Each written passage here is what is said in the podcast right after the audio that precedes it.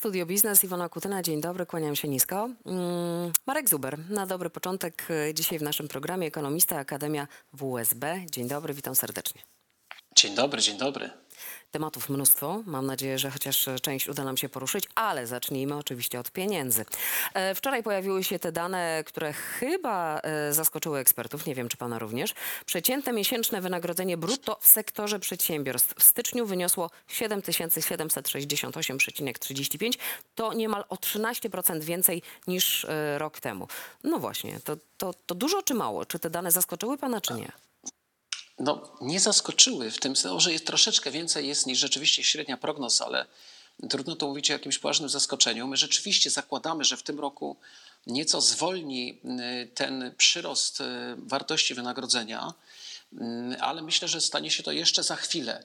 Natomiast y, na razie mamy cały czas mocny wzrost, tylko pamiętajmy oczywiście o tym, że to jest nominalny wzrost, bo po drugiej stronie mamy oczywiście realny wzrost wynagrodzeń, który uwzględnia inflację.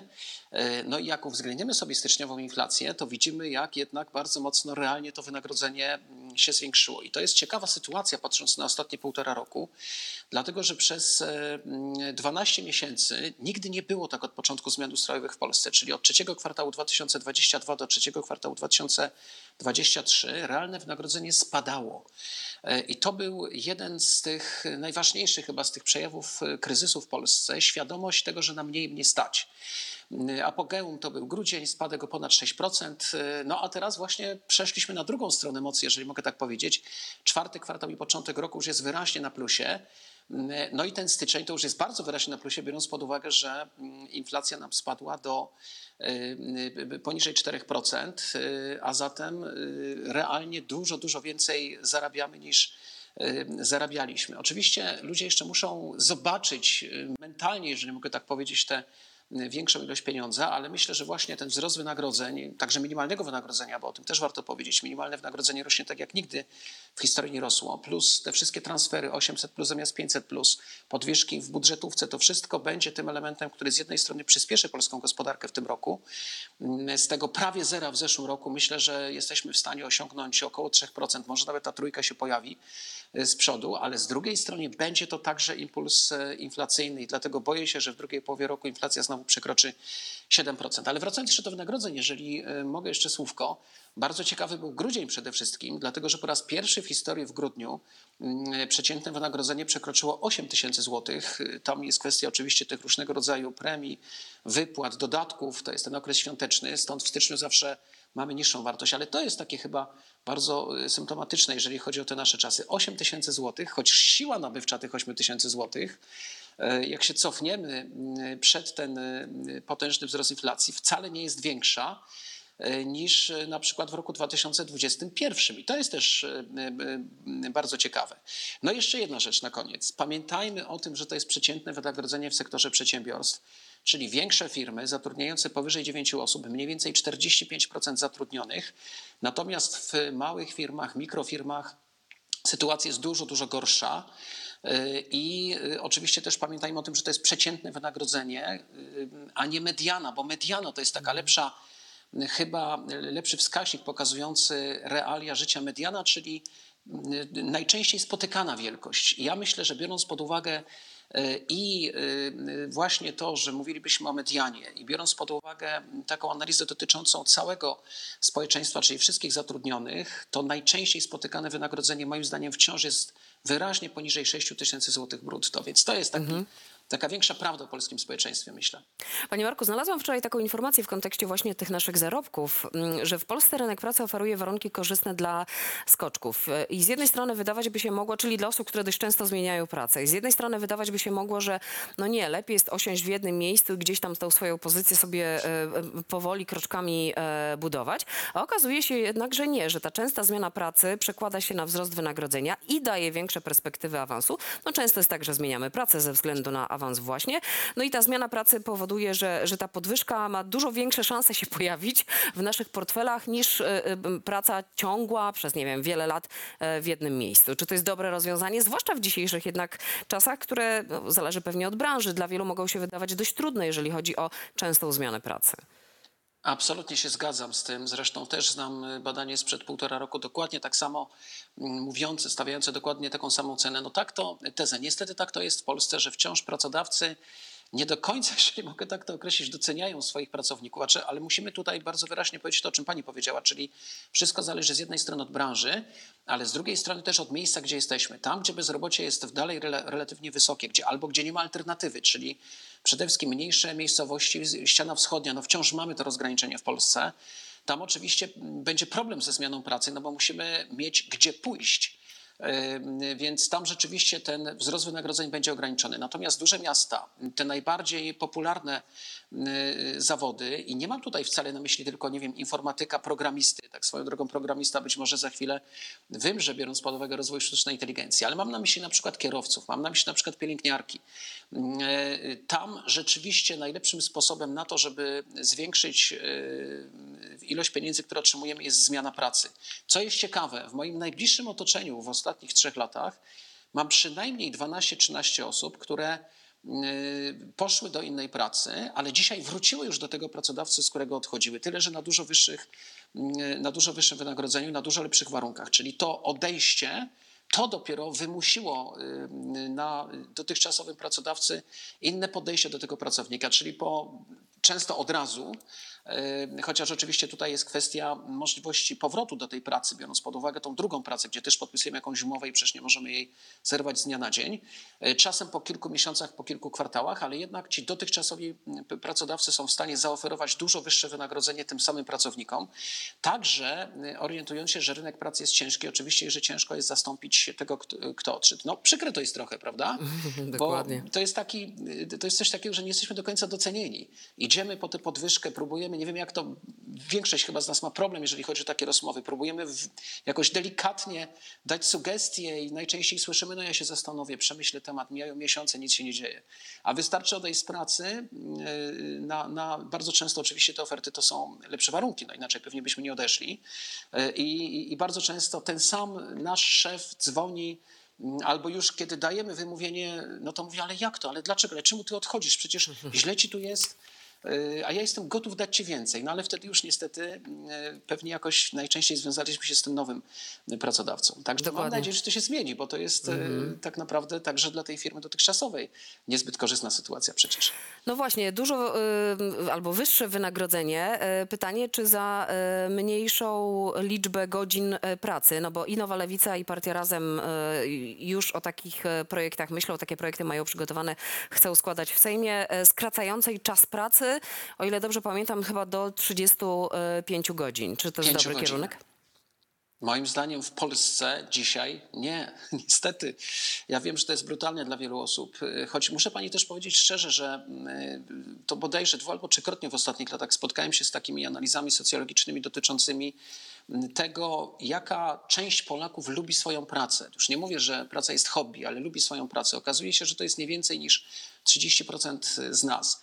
Ja myślę, że ta dyskusja na temat zmniejszenia liczby pracy, ona pada na podatny grunt także z tego powodu, że najczęściej nie lubimy swojej pracy, więc y, oczywiście chcielibyśmy pracować mniej. Bardzo ciekawa dyskusja była na ten temat y, trzy lata temu we Francji gdzie y, politycy zastanawiali się nad kolejnym skróceniem tygodnia pracy, ale pod warunkiem, i to też większość polityków tak do tego podchodziła, nie tylko przedsiębiorców, że w ciągu tego samego okresu, że, w, ciągu tego krótszego okresu pracy, czyli tej mniejszej liczby godzin pracy, będziemy wypracowywali tyle samo, czyli zwiększa się efektywność.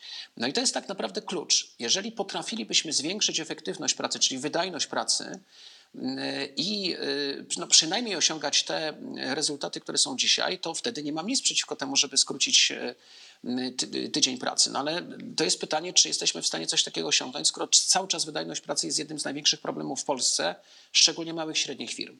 E, Podam jeden przykład.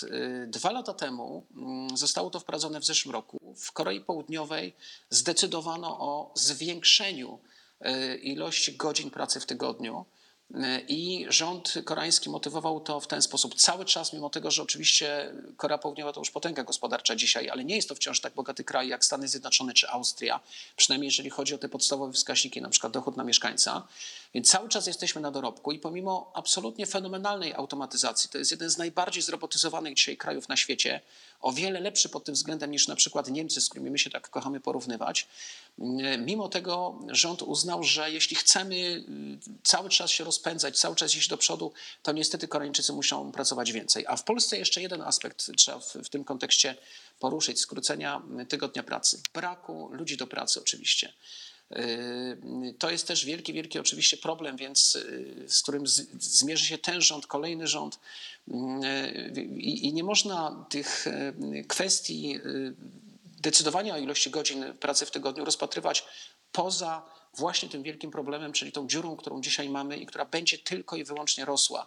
Y, Dziurą związaną właśnie z brakiem pracowników. No to jak się ma do tej dziury, jeżeli chodzi o brak e, pracowników? E, Kolejna koncepcja i kolejna obietnica e, już funkcjonującego rządu, gdzie padały zapowiedzi do tego tematu widzę co jakiś czas wracają, więc pewnie, no nie wiem czy w 100%, ale bardzo możliwe, że wróci zakaz handlu w niedzielę, który ma zniknąć, bo takie były obietnice Koalicji Obywatelskiej.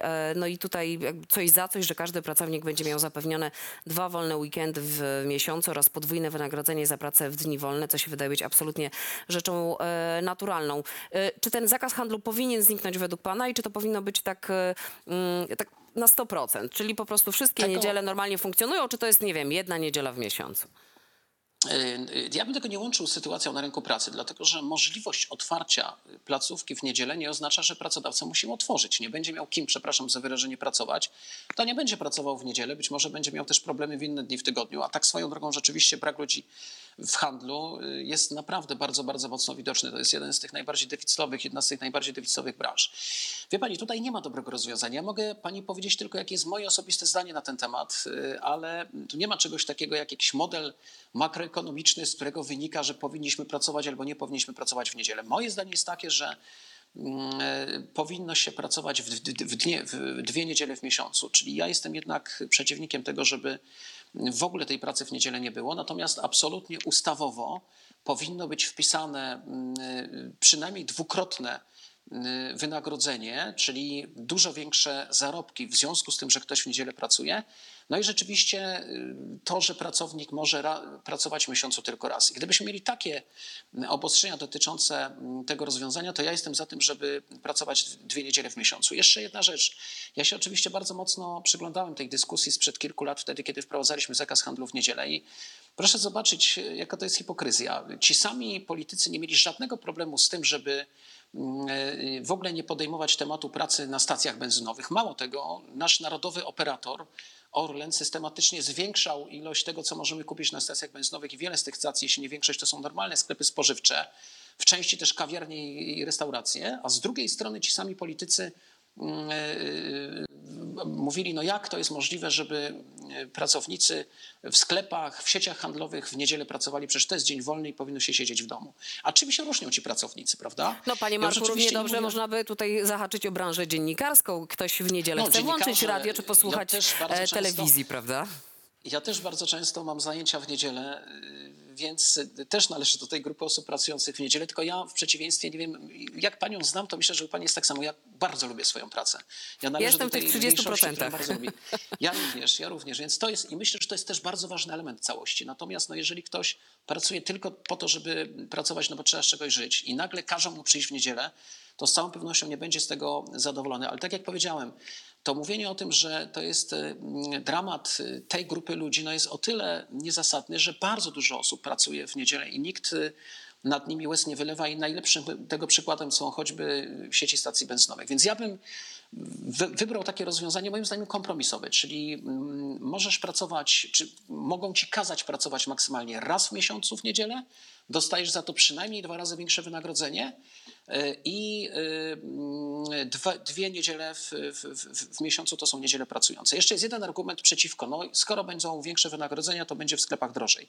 No też nie, dlatego że przecież jeśli jakaś sieć uzna, że w niedzielę nie pracuje, w w związku z tym, jak rozumiem, nie będzie podnosiła cen, bo nie będzie wyższych kosztów, to być może w tygodniu będziemy wybierali tę sieć. I z punktu widzenia otwarcia sklepów w niedzielę i podniesienia ceny w każdy dzień w tygodniu będzie to niekorzystne, więc y, rynek nam ustali, czy te niedziele mają być wolne, czy nie mają być wolne, jakie mają być ceny.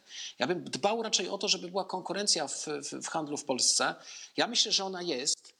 Y, choć y, teraz rozgorzała taka mała wojenka między dwoma największymi sieciami handlowymi. Obserwujemy to bardzo mocno, ale specjaliści twierdzą, że może ona nie jest taka prawdziwa znowu, bo tak naprawdę ona jest korzystna dla jednej i dla drugiej Głośno sieci. jest o jednej i o drugiej sieci, dokładnie. Tak jest i w związku z tym jej, ich udział rośnie bardzo mocno w stosunku do reszty, ale nie zmienia to faktu, że ja uważam, że taką konkurencję mamy y, i pielęgnujmy ją, żeby była. Tutaj akurat rzeczywiście zgadzam się z tym, chciałbym więcej polskich sieci, to znaczy takich, które mają polskich y, właścicieli. Y, W ogóle chciałbym oczywiście więcej polskiego kapitału w polskiej gospodarce, tylko też pamiętajmy o tym, że my wciąż tego kapitału mamy jednak dużo mniej, bo straciliśmy dziesiątki lat w stosunku do takich krajów jak Wielka Brytania, Niemcy czy, czy, czy Francja, więc ja mam nadzieję, że to się wszystko będzie działo.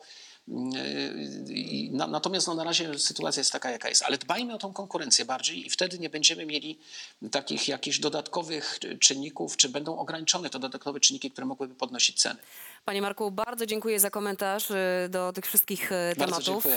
Y, Marek Zuber był naszym gościem. Widzimy się i słyszymy, mam nadzieję, za tydzień o tej samej porze. Bardzo mi będzie miło. Pięknie dziękuję y, za dziś. Za moment y, kolejny mój gość. O ZUS-ie dużo więcej będziemy rozmawiać. No jesteśmy, e, kolejny mój gość dzisiaj w programie, dr Katarzyna Kalata, radca prawny. Dzień dobry, witam Dzień dobry. serdecznie. E, Na temat Zakładu Ubezpieczeń Społecznych będziemy rozmawiać, e, bo od lat e, pani zajmuje się tą instytucją, przygląda się e, pomaga osobom, którym ZUS na drodze stanął.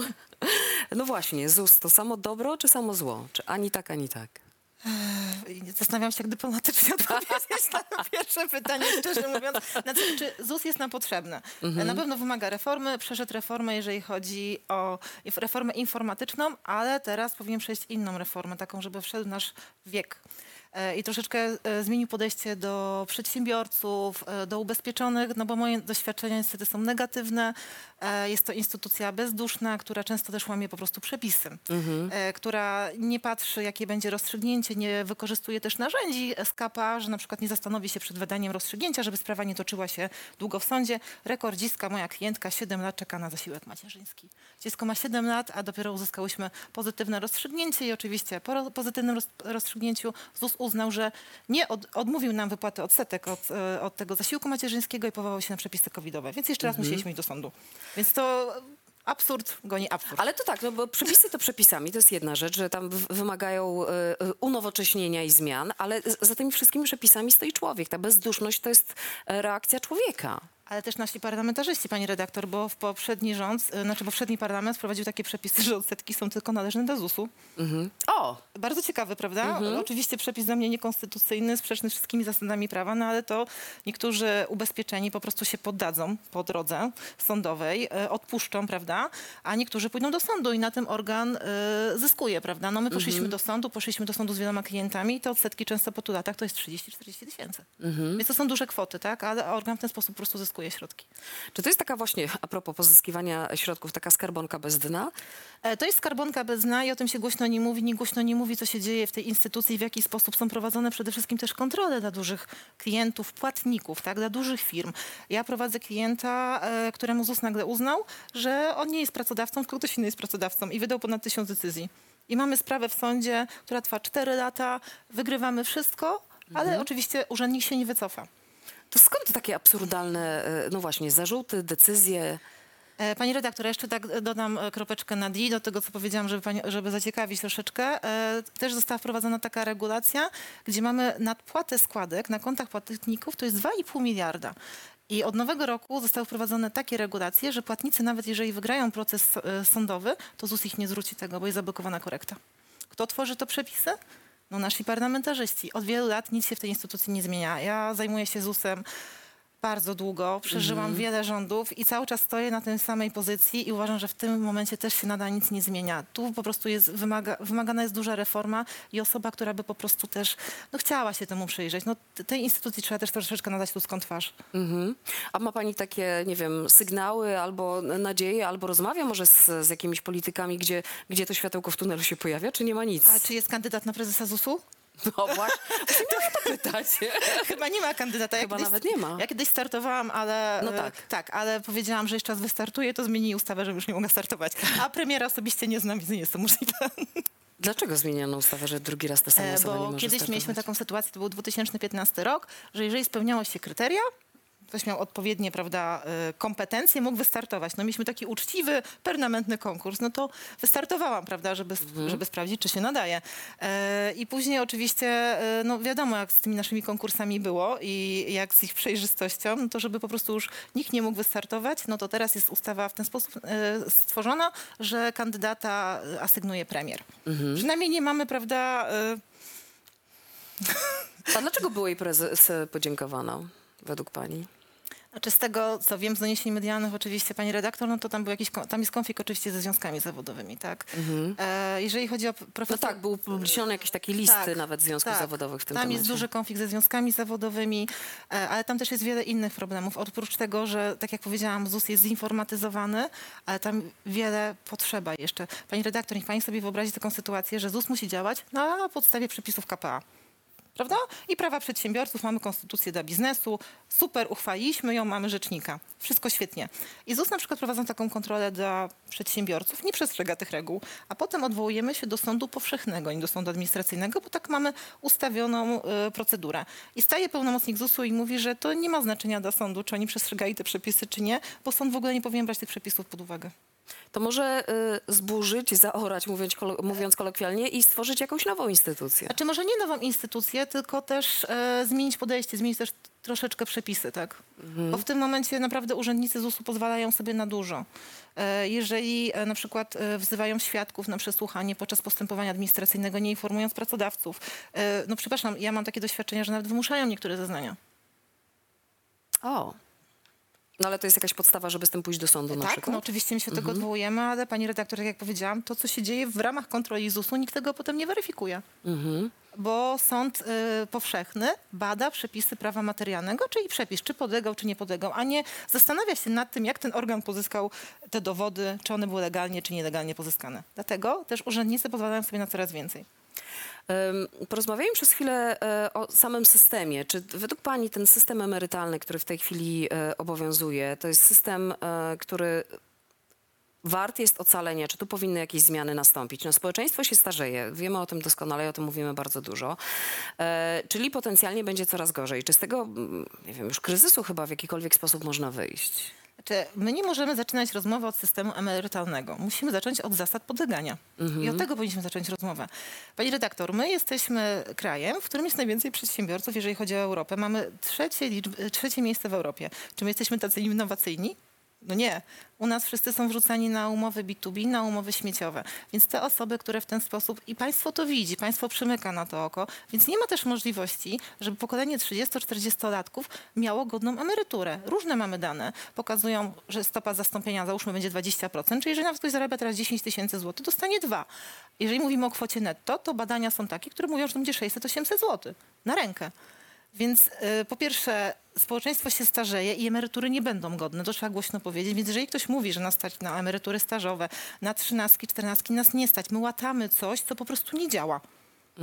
I ża- żadna partia polityczna no, nie podjęła do tej pory poważnej dyskusji, żeby zabezpieczyć pokolenie, też moje, 30-40-latków, no bo w tym momencie, no wiemy, jakie te osoby, e, które są teraz na emeryturach, mają emerytury głodowe. Ja absolutnie uważam, że trzeba im pomóc, tak? To nie może być tak, że państwo nie widzi problemu, ale też nie możemy demontować całego systemu i trzeba zacząć od zasad podlegania. Podam pani redaktor przykład, taki z zeszłego tygodnia. E, student, który się do mnie zwrócił, mama mu zmarła w wieku 18 lat, chciał uczciwie pracować w naszym kraju. E, jest aktualnie księgowym, skończył wszystkie kursy. Oczywiście proponowano, proponowano podczas studiów, że e, będzie miał tą umowę zlecenie. Nie chciał. Chciał mieć etat. E, pobierał e, świadczenie po mamie, czyli rentę rodzinną. E, I w pewnym momencie, po paru latach, zapukał do niego ZUS i zażądał od niego zwrotu, bo przekroczył próg. Niech pani redaktor sobie wyobrazi, że gdyby ten student nasz miał umowę zlecenie, śmieciówkę, to by ZUS nie zażądał zwrotu? To trzeba zbudować ten system po prostu od nowa. Zwrot świadczeń, podleganie, bo czego się nie dotkniemy, to jest dziura. Niewiarygodne. Czyli to, to są takie kuriozalne rzeczy, które dotyką, dotyczą każdego. A jak to jest w przypadku a propos właśnie dorabiania? Bo y, te- teraz pojawiła się parę dni temu informacja, że do końca lutego dorabiający emeryci, renciści muszą poinformować ZUS o swoich zarobkach.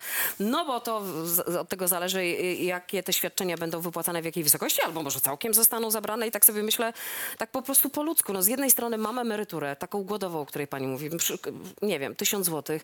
No i jestem, nie wiem, dobrze się czuję, funkcjonuję, mój organizm tak dalej. Chcę pracować, idę i pracuję, zarabiam za dużo według państwa i jest mi to odbierane. No to gdzie tu logika? Znaczy, tu nie ma logiki, tym bardziej nie ma logiki w naszym wieku emerytalnym, tak? W tym momencie wszystkie kraje Unii Europejskiej docelowo tam w 2038 dojdą do wieku 67-68. U nas się stosuje populizm, u nas się nie mówi głośno, że w tym momencie 100 osób produktywnych pracuje na 70 emerytów, to są dane z 2022 roku, a w 2060 proporcja będzie 105 osób będzie pobierało e, świadczenia, a 100 osób będzie pracować. To, to nie ma możliwości, żeby to się utrzymało. Trzeba coś zrobić. Albo umawiamy się społecznie, że ja mam emeryturę najniższą, tak, e, i nauczymy społeczeństwo oszczędzać, albo zaczynamy reformować ten system, który po prostu nie działa. I on nie działa od kwestii emerytalnych, on nie działa od zasad podlegania.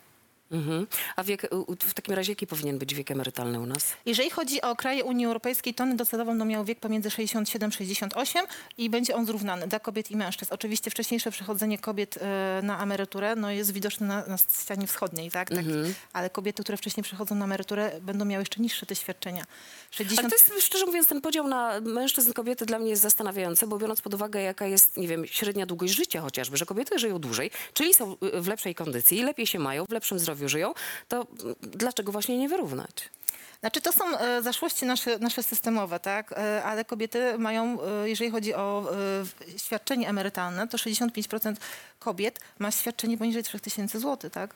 Czyli jeżeli mam, mówimy o średniej w ogóle emeryturze, to jest około 1000 zł- 1100 zł mniej pomiędzy kobietą a mężczyzną. Jeżeli kobieta jeszcze wcześniej przejdzie na emeryturę, to dysproporcje są jeszcze większe. Więc nie ma żadnych rozsądnych argumentów, żeby taki wiek utrzymywać. Tym bardziej, że Europa też dąży do wyrównania i zwiększenia tego wieku emerytalnego. No, dane demograficzne, matematyka jest prosta. No my oczywiście możemy zaklinać rzeczywistość, możemy mówić, że stać nas na renty wdowie, emerytury stażowe. No pani redaktor, ja pracuję do 18 roku życia i jeżeli ten projekt wejdzie w życie, 53 lata, będę całkiem świeżą emerytką, prawda? Założę działalność gospodarczą, nie będę płaciła żadnych składek. Czy o to chodzi? Nie. Chodzi o to, żeby pomóc ludziom, którzy naprawdę ciężko pracowali i którzy są zmęczeni tą pracą, pracą fizyczną. Ja wykonuję pracę biurową, co prawda piszę i, i chodzę, bo, bo takie walczy roz- pani. Ale walczę, też czasami się zmęczę, ale uważam, że są osoby, e, czy jacyś mechanicy, którzy bardziej na to zasługują. A system znowu... e, Wszystkich do jednego wora. Wszystkich do jednego wora. No tak jakby nikt nie myśli o tym. No dobrze, a co w takim razie a propos tych emerytur sta stażowych właśnie, że jeżeli osoba, nie wiem, taka jak ja, całe życie byłam zatrudniona nie na etacie, na różnego rodzaju umowach, więc nie była odprowadzana składka, no bo wtedy nie obowiązywały składki przy umowie, nie wiem, o dzieło chociażby e, i też już pracuję, nie wiem, 30 lat i teoretycznie mogłabym przejść na emeryturę. Znaczy, żeby pani otrzymała minimalną emeryturę, musi pani mieć minimalny staż odprowadzania Mhm. składek. 20, 25 w zależności od y, czy to kobieta, czy, czy mężczyzna. Jeżeli pani nie będzie miała tych, y, tych tytułów do podlegania ubezpieczeniom, a tytuł do podlegania to na przykład jest etat bądź prowadzenie działalności gospodarczej, to pani nie otrzyma tego minimalnego świadczenia. Minimalna emerytura to jest w tym momencie 1782 zł, oczywiście brutto.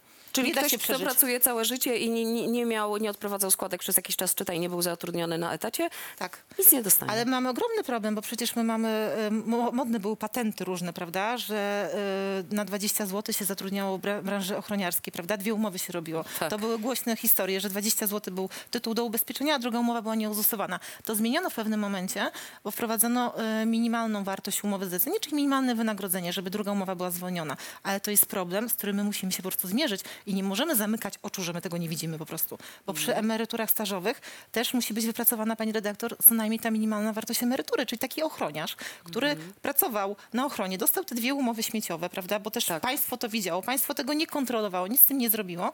On nie otrzyma tej emerytury stażowej, otrzymam ją ja. Bo ja wiem, jak siebie zabezpieczyć. I on, mimo to, że jest pracowany, czy był na przykład kurierem, to on nie otrzyma. Więc tu w ogóle trzeba zacząć inaczej dyskusję, inaczej problem postawić. E, Czy, czy- według Pani w takim razie państwo powinno dopłacać do składek e, za pracowników? E, dopłacać za składek, znaczy nie do końca dopłacać za składki do pracowników. Znaczy ja uważam, że w tym momencie, teraz może też poruszę wakacje składkowe. Wakacje składkowe mają być dla mikroprzedsiębiorców. Czy przedsiębiorcy, którzy zatrudniają na przykład powyżej 9 osób, którzy chcą rozwijać firmę, czy oni mają jakąś pomoc od państwa? Nie mają. Państwo powinno pomagać przedsiębiorcom, szczególnie tym małym i średnim, którzy chcą tworzyć te miejsca pracy. Może przez jakiś okres, na przykład na taki rozruch, e, tak jak były różne też takie e, są rzeczy z Urzędu Pracy, e, pomóc tym przedsiębiorcom, żeby oni stworzyli więcej tych miejsc pracy. A, a co my w tym momencie robimy? Robimy wakacje składkowe. Miesiąc e, przedsiębiorcy nie będą odprowadzać składek, tak? Tylko mówimy tu na ubezpieczenia emerytalne, rentowe. E, reszta składek, czyli zdrowotna, będzie obowiązkowa. Jest to kwota mniej więcej 1600 zł miesięcznie. Dajemy po prostu przedsiębiorcom. Ale czy oni faktycznie tego potrzebują? Czy po prostu wypychamy ludzi znowu na B2B i za parę lat, w 2070, pokolenie 30-40-latków będzie miało ten problem. Czy dostanie 600 zł czy 800, a my teraz nie oszczędzamy. Wszystkie badania pokazują, że my jako Polacy nie oszczędzamy. Tak, Więc i tak. nie oszczędzamy, więc nie będzie z czego z państwa nie otrzymamy, a też nie zabezpieczamy się na przyszłość. Jakie najczęstsze, najczęściej pojawiają się problemy, z którymi e, pani klienci do pani e, przychodzą? E, Ostatnio, pani redaktor, to z zeszłego tygodnia, tak powiem, e, na świeżo, pojawił się duży problem e, z osobami, które pobierały na przykład świadczenie po kombatantach wojennych, po osobach na przykład, które zginęły na wojnie. Albo y, żołnierzach, tak? Czyli na przykład żołnierz był długo niezdolny do pracy i nagle przed osiągnięciem wieku emerytalnego pobiera pan 30 lat rentę, doznał wypadku w wojsku e, i przed osiągnięciem wieku emerytalnego ZUS uznał, że nie jest zdolny do pracy. No to ręce opadają, szczerze mówiąc. Te osoby się zgłaszają na przykład do Urzędu Pracy. Urząd Pracy nawet im nie poszukuje pracy. Szukają pracy na wolnym rynku. Okazuje się, że żaden pracodawca ich nie dopuści do pracy, bo nie przechodzą badań i nie uzyskają też później emerytury. Więc t- to, to jest taki dziurawy system na każdym etapie. Ja bym mogła naprawdę książkę napisać wielotomową, gdzie to nie działa i nie możemy zaczynać rozmowy od końca. Musimy zacząć łatając te wszystkie dziury po kolei. Czy jest szansa, że to się wydarzy w najbliższym czasie? Patrząc Znaczy ja- na to, ja na co robi rząd albo czego nie robi? Znaczy ja myślę, że dużo osób nie rozumie tych ubezpieczeń społecznych, e, że też się nie kształci przyszłych ekspertów. Tak? To jest taka mała liczba godzin. E, też na uniwersytetach nikt tym nie jest zainteresowany, bo ZUS to się kojarzy z jakimiś wyliczeniami dziwnymi, Tak, prawda? y, czego my w ogóle nie rozumiemy. Nie rozumiemy, tak? tak. tak. Więc też nie ma, e, nie ma też pomysłu na to w tym momencie. Mhm. E, To może warto, nie wiem, jakiś, e, jakieś formalne pismo wystosować. Partie założymy. Albo właśnie. O, właśnie, jest to jakaś koncepcja. I wtedy by... Nie, no sam fakt, e, że nie może na przykład pani kandydować drugi raz, to też są jakieś takie e, absurdy. Znaczy jak wtedy nie byłam odpowiednim kandydatem, nie znałam się, podobno pomyliłam miliony z miliardami, to teraz też by się znalazł jakiś powód. Ale miałaby pani doradców od tego, żeby powiedzieć, że to jest za dużo zer trochę. Wtedy też miałam. Ale nie Okej. miałam tego podstawowego numeru telefonu i to był mój problem. A teraz pojawiają się w ogóle e, nazwiska jakichś potencjalnych kandydatów E, na takiej liście? Pojawiają się tylko z tego, co wiem, oczywiście z doniesień medialnych, które ja też siedzę, to wiadomo, że tam jest już e, kwestia polityczna, tak? Mhm. Więc to, tutaj są dyskusje bardzo polityczne. Czy kandydat będzie od lewicy, czy kandydat będzie z Platformy Obywatelskiej. Więc tu wchodzimy po prostu w politykę w tym momencie. Rozumiem. Bardzo dziękuję pani doktor. E, No, to, to temat rzeka. Ja wiem, że można by godzinami. Ja myślę, że napisanie książki to nie jest taki zły pomysł. Habilitację może zrobię w końcu, jak znajdę chwilę czasu. Tak, bo wtedy może się zainteresujemy bardziej, żeby właśnie przypilnować tego, co, co ZUS robi z naszymi pieniędzmi. Doktor Katarzyna Kalata była naszym gościem. Pięknie dziękuję. Wszystkiego dobrego Państwu również dziękujemy i do zobaczenia. Dziękuję bardzo.